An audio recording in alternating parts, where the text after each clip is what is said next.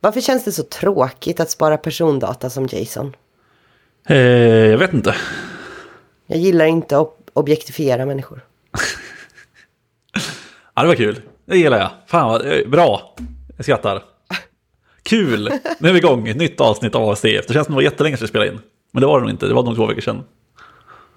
Ja, det känns som en eh, evighet i förkylningsår för min del sen då. Men eh, absolut. Ja, exakt. Du är förkyld. Jag har hunnit eh, kliva in i, mm, i liksom 30-talet, höll jag på att säga, men 30-årsåldern i alla fall. Välkommen. Tack, tack. Det känns väldigt bra. Känner mig gammal. Ja, det där får man inte alltid säga för då någon säger någon Du som är så ung! Och så blir man så ageist.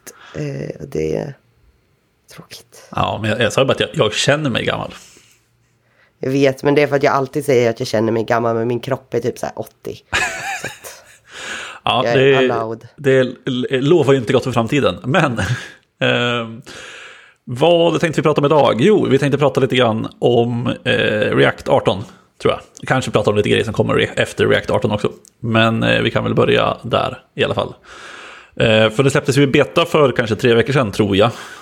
Om jag inte minns helt fel.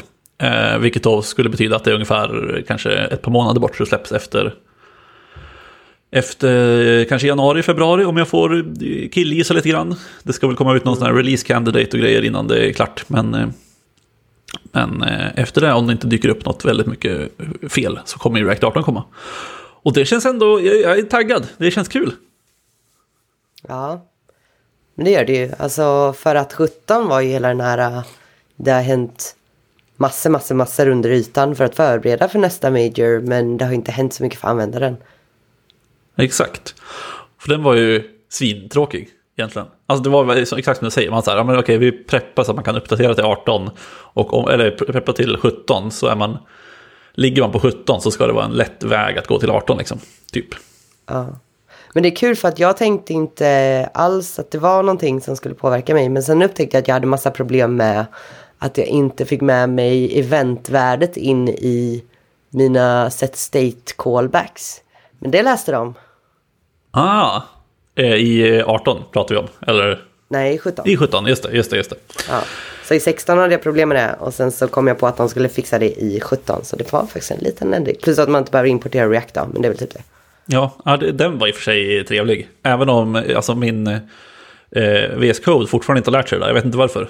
Men den typ ger mig inte autocomplete på komponenter. Eh, om jag inte har import React högst upp. Jaha. Eh, så att, eh, först så föreslår den alltid, vill du importera React? Och så måste jag klicka ja på den. Och sen får jag förslag på så här, ja, den här komponenten är inte använd, vill du importera den också? Den ligger precis i filen här bredvid. Hmm. Eh, så vet inte, det kan ju vara något som är felkonfad i, i min VS Code också. Jag har inte stött på det där, min verkar snällare. Eller så har jag bara inte något. um, nej, så vi får väl se, jag borde ta tag och kolla det där, men det har liksom aldrig blivit av. Det är inte ett så stort problem. Eh, den, när den märker att det är en unused import så tar den bort den också. Så att den eh, håller på lite där fram och tillbaka och lägg till React, ta bort React, lägg till React och så vidare. Så den får extra jobba? Exakt. Eh, men eh, React 18 då eh, kommer ju med lite mer eh, grejer.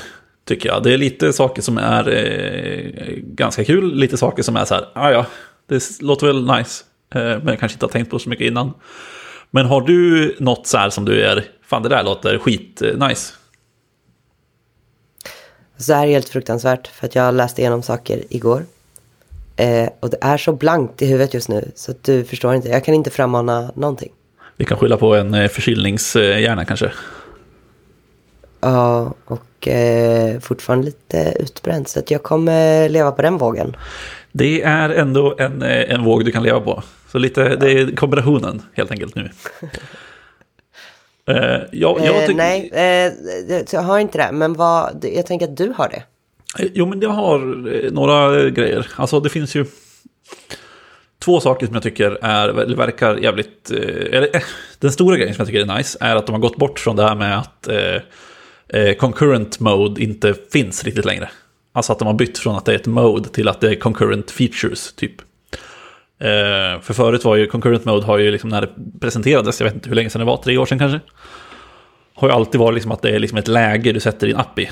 Så att du kan antingen köra typ blocking som ska vara det man kör idag. Eller så ska det vara något mittemellanläge eller så här är concurrent mode. Och att när du liksom uppdaterar till 18 så var du tvungen att välja liksom vilket läge vill du köra din app i. Och hela appen måste stödja det, vilket då inkluderar typ tredjeparts eh, libs och allting sånt.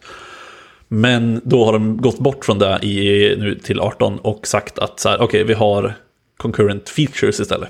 Så att när du använder en concurrence, eh, concurrent feature, då optar du in liksom den biten av trädet eller det, som du använder den på. Vilket gör att man kan liksom välja vart man vill använda den och om man märker att det inte funkar på ett ställe så kan man liksom skita i att använda det just där. Just det, just det. Jag kom, jag kom på nu också vad jag, vad jag ändå tycker var nice. Ja.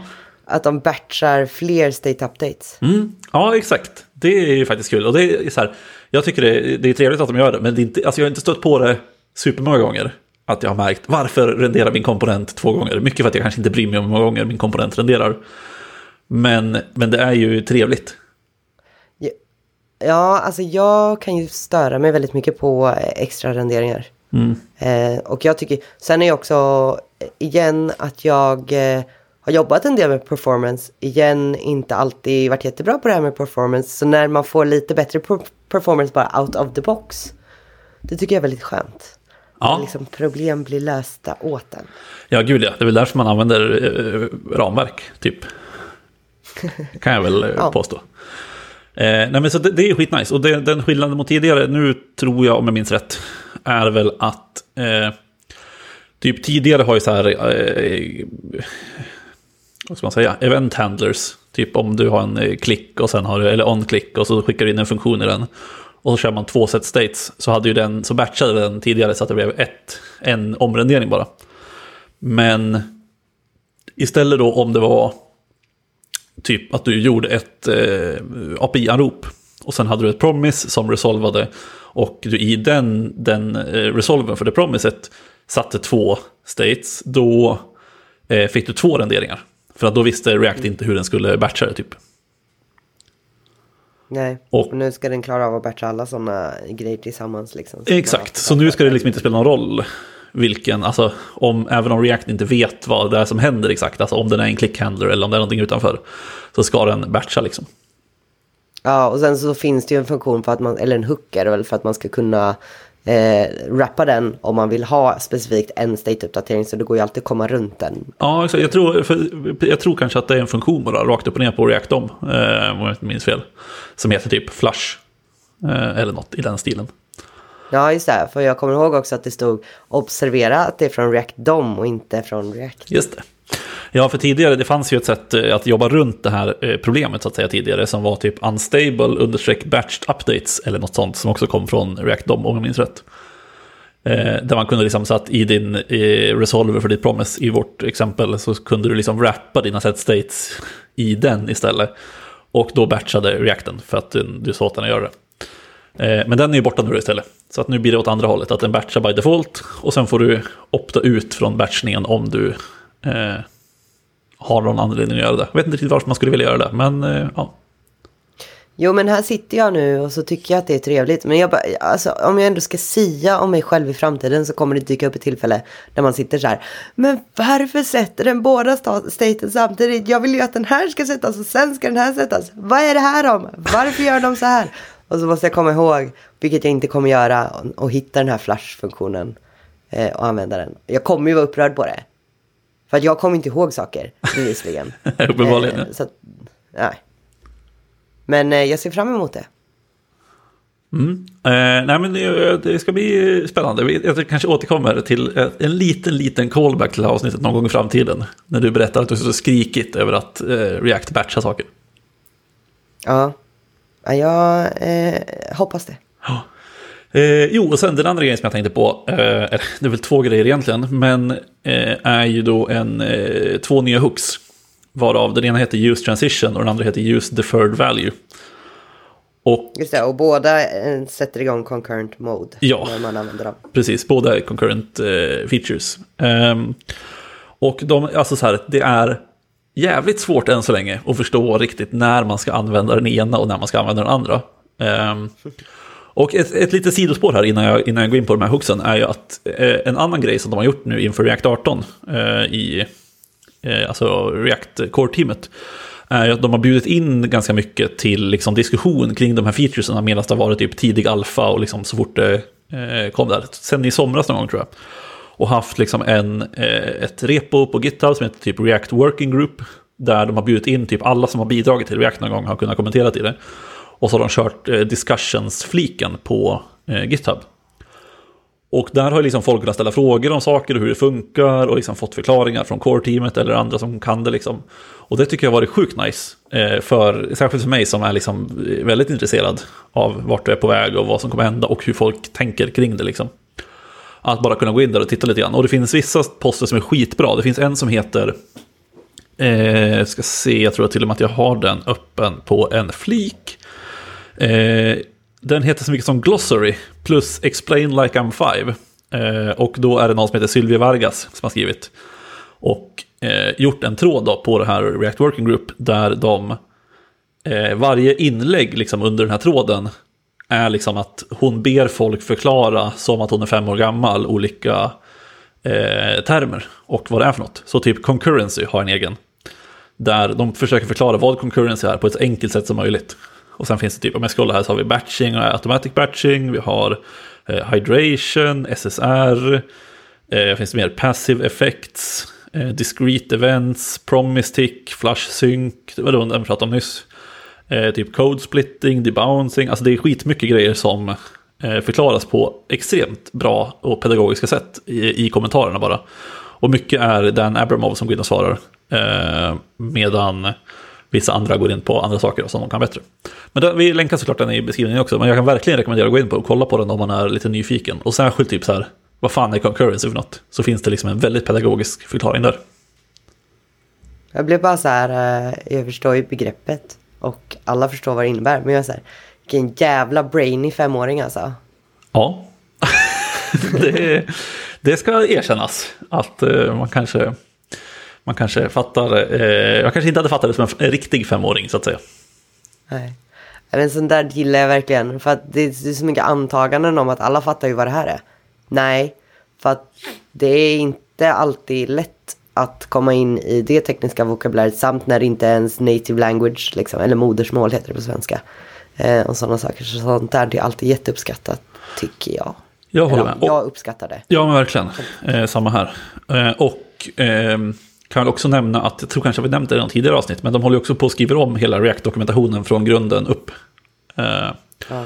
Och eh, man kan väl nästan räkna med att den förmodligen kommer liksom sammanstråla lite grann med React 18 och innehålla saker om concurrency till exempel. Och där är det också mycket mer fokus på typ eh, eh, hur man ska tänka i React. Till exempel finns det jättemycket eh, om i nya dokumentationen.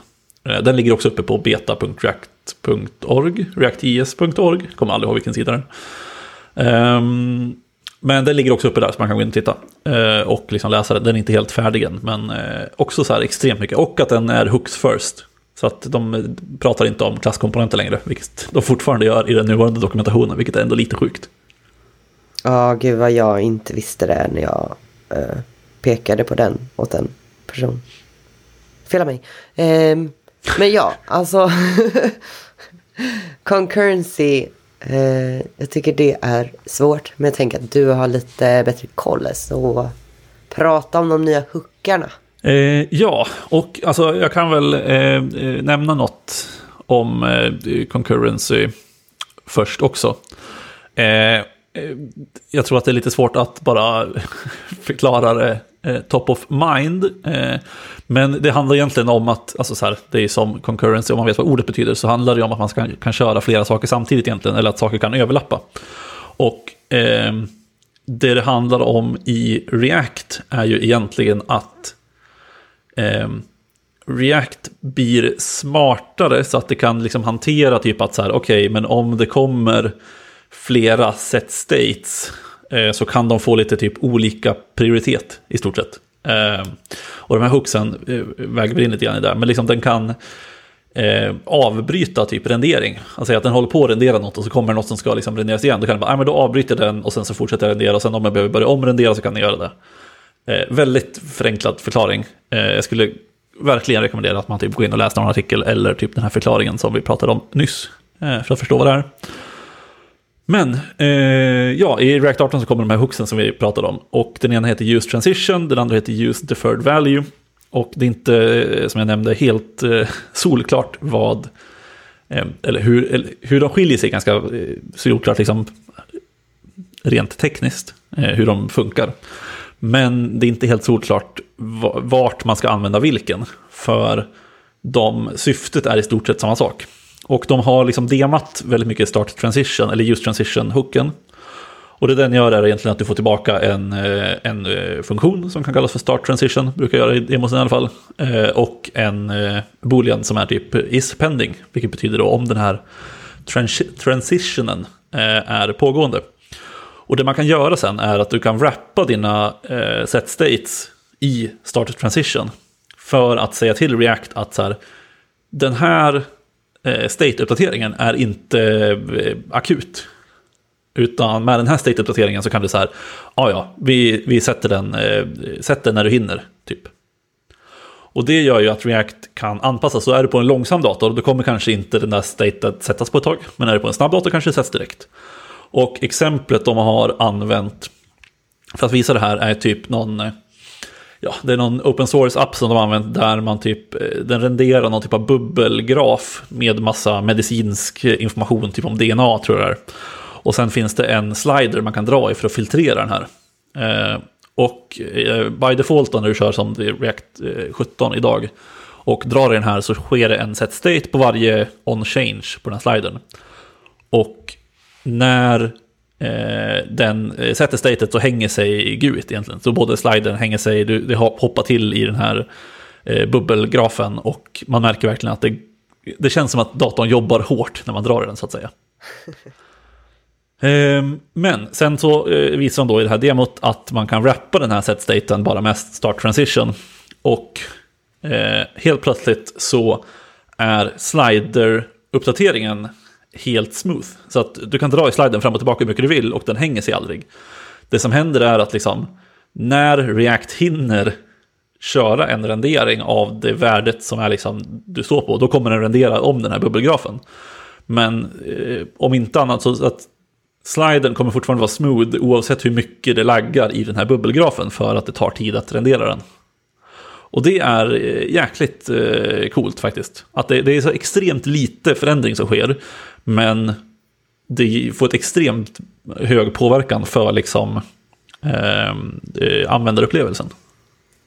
Alltså det är ju ett extremt bra use case också. För just den här med att man bara drar i en slider ibland. Så här lite okynnesdrar i en slider för att se vad som händer. Exakt. ja, men att den är smooth fortfarande men att den liksom per automatik då väntar tills användaren har lugnat ner sig innan den ens uppdaterar allting. Det är snyggt alltså. Mm. Och det är också, alltså, man ska ju också skilja på det här att det, det, det är ju inte en debounce till exempel. För att där är det ju typ att så här, okej, okay, då spelar det ingen roll hur snabb dator du har, utan säg att man sätter en debounce på 250 millisekunder då kommer du alltid behöva vänta då minst 250 millisekunder från att du mm. slutar dra slidern till att det uppdateras.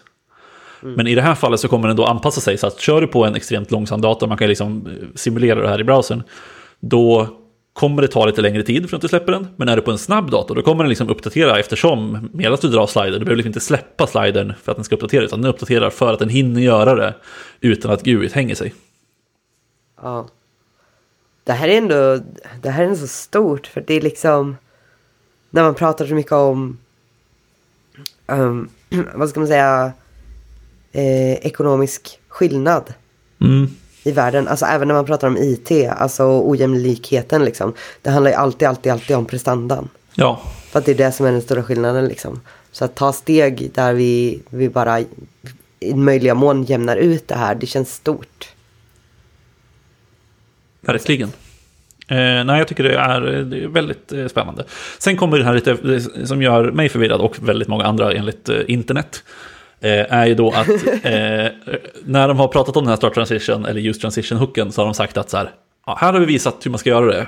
Men det är förmodligen inte här ni kommer använda use transition, utan den kommer ligga på en högre nivå egentligen. Alltså typ på routernivå, typ när du byter mellan eh, routes till exempel. Eller liknande. Och på liksom en sån här lokal nivå, eller vad man ska kalla det här, i den här komponenten, så ska man istället då använda den här use deferred value. Eh, och den har liksom aldrig demats egentligen. Eh, jag tänkte att jag skulle testa det här i, den här, i samma demo som de körde, det här med DNA-bubbelgrafen. Men det visar sig att de som har gjort den har typ paywallat den datan som laddas in eh, i den eh, bubbelgrafen. Undrar om det är för att det här demot är så populärt? Förmodligen. Eh, men, men, så det gick inte att testa. Men eh, som jag förstår det så ska liksom den hooken, det den gör är att den tar bara in eh, ett, liksom, eh, en parameter eller ett argument i, när du anropar hooken. Och det ska vara det eh, state-värdet. Så att i det här fallet då så är det typ da, eller slider-värdet som blir det för, nej det blir såklart eh, värdet på bubbelgrafen som den renderar. Eh, så den stoppas in i så just deferred hook och sen eh, parenteser och det här värdet som ska stoppas in.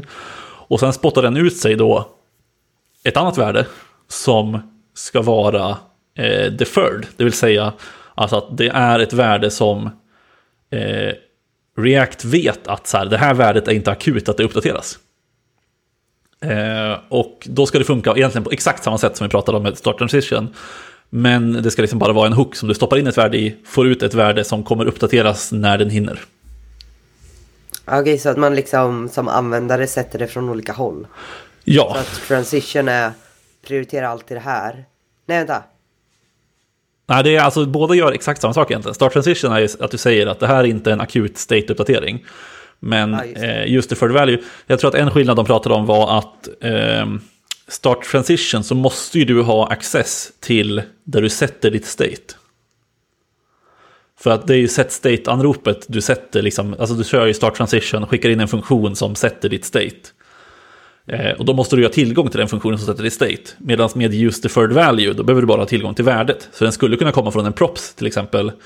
Eh, och sen skickar du in det i din hook för att du vet att så här, om, om den här uppdateras så kommer det ta väldigt lång tid. Men då skickar den genom use deferred value som spottar ur sig en, ett värde som React vet att det inte är akut att det renderas. Just det, just det. Så det är därför man skulle använda use transition på en mera eh, liksom, överskådlig eh, nivå. Medans deferred value är till för att använda i barn och grejer som kanske propdrillar ner saker. Man ska inte propdrilla. Jag vet, jag vet. Men så... Propdrill är ganska nice, jag gillar propdrilla. Har inte opinionen svängt kring det? Jag vet inte. Jag känner att jag är alldeles för out. Jag har fortfarande inte lärt mig att använda just memo, just callback och just state korrekt än. Nej, men det, att, eh... det, det är sånt som kommer. När man, när man springer in i ett problem när man måste göra det så lär man sig. Jo, precis. Men det är ju att jag har gjort det och fortfarande inte nailat det. Ah, ja, skitsamma. Eh, absolut. Nej men alltså det, det, det, känns väl ändå som att det make sense liksom. Att du behöver inte ha tillgång till att kontrollera staten. Du behöver bara hantera värdet liksom. Mm. Ja, men jag fattar det. Jag fattar det nu. Kommer inte fatta det om jag sitter där. det. det är så, men, det, så det brukar vara. Ja, förstår du? i teorin så här. Ja, och ehm, en grej vi kanske skulle ha nämnt i början, men som jag helt glömde bort, är ju också att alltså, för att opta in då i React 18 egentligen så måste man också byta hur man skapar upp sin eh, root-nod. Liksom. Just det, det var den här create... Eh... Root. Create root. Japp. Så att förut så körde du ju, förut körde man ju render-metoden på, på React DOM direkt. Eller från React DOM så att säga. Eh, men nu kommer det istället vara en funktion som heter create root som man skickar in sitt eh, DOM-element till och sen så har den här roten som skapas har render-metoden istället. Det känns som att jag har ett läxförhör. Det förstår jag, men det är helt okej. Eh, det känns ju, alltså, just, just den grejen är också en sån här grej man inte behöver lära sig. För att man kommer göra det en gång i en app och sen är det klart.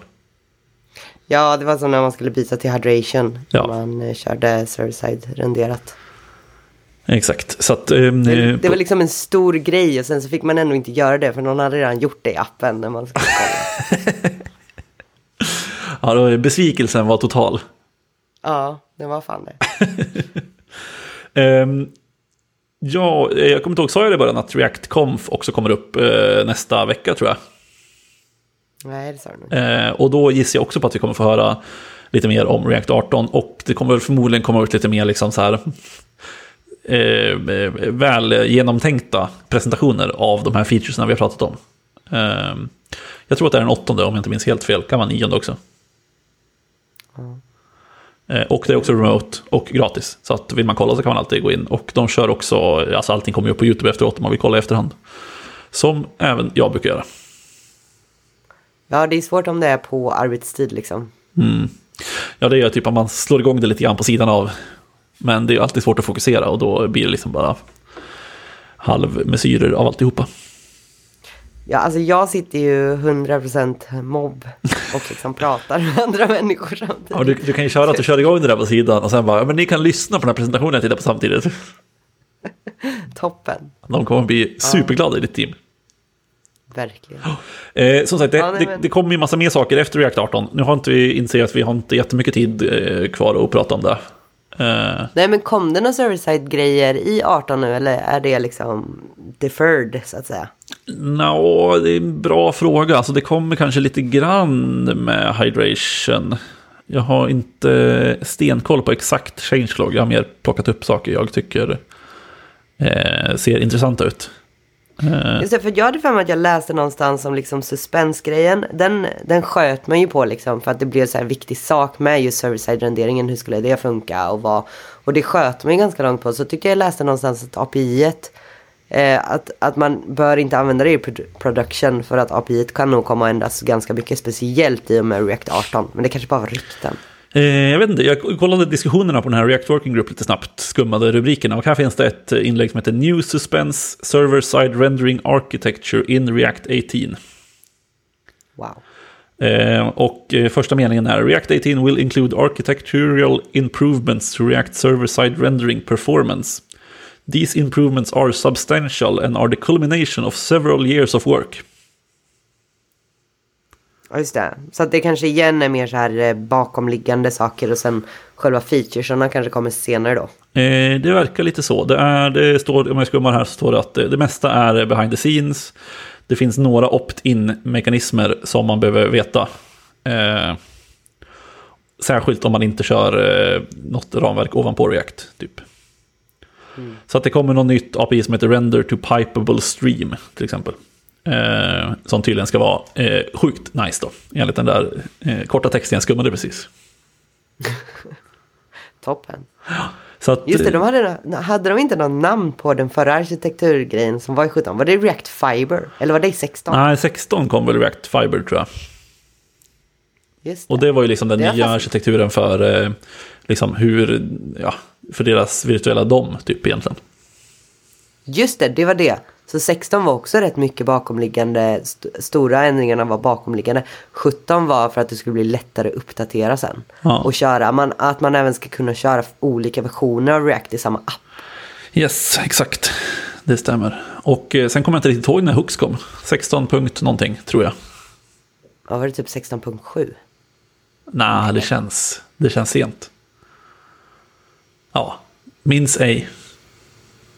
Jag vet inte, jag verkligen bara derailade. Ja, Eh, nej, men sen eh, det jag tänkte säga innan vi kanske avrundar här är att eh, det kommer ju lite andra eh, coola saker. Som att de håller på att bygga ett cache-API eh, som ska kunna användas tillsammans med Suspense. Eh, de håller ju på med typ React Server Components som är att du kan köra liksom vissa komponenter i klienten och vissa på servern på ett jävligt eh, coolt sätt. Alltså det är så pass att så här, komponenten i sig kan ha tillgång till typ eh, Node API. Så du kan typ direkt ansluta till en databas eller läsa filer typ i en komponent om du vill.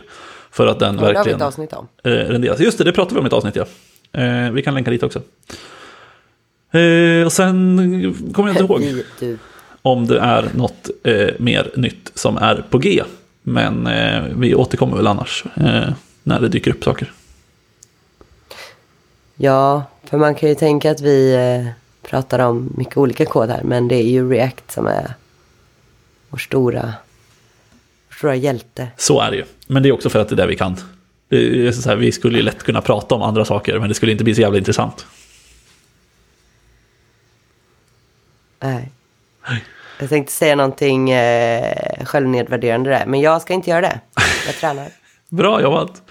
Eh, fan, nu slutar vi på topp känner jag idag. Eh, med att du inte Ja. nedvärderar dig själv. Jag gör det i mitt huvud. Ja, nej, då, då är det dags att lägga på. Eh, kul att ni har lyssnat idag. Eh, vi babblade på om React. Har ni några andra frågor eller vill oss något så finns vi på Twitter. Eh, recensera oss gärna på iTunes. Och med det så säger vi väl eh, hej då för idag. Ja, och glad andra advent och sånt, ni vet. Det blir det. Eh, och eh, vi hörs igen om eh, två veckor. Så säger vi så. Hej då! Bye bye!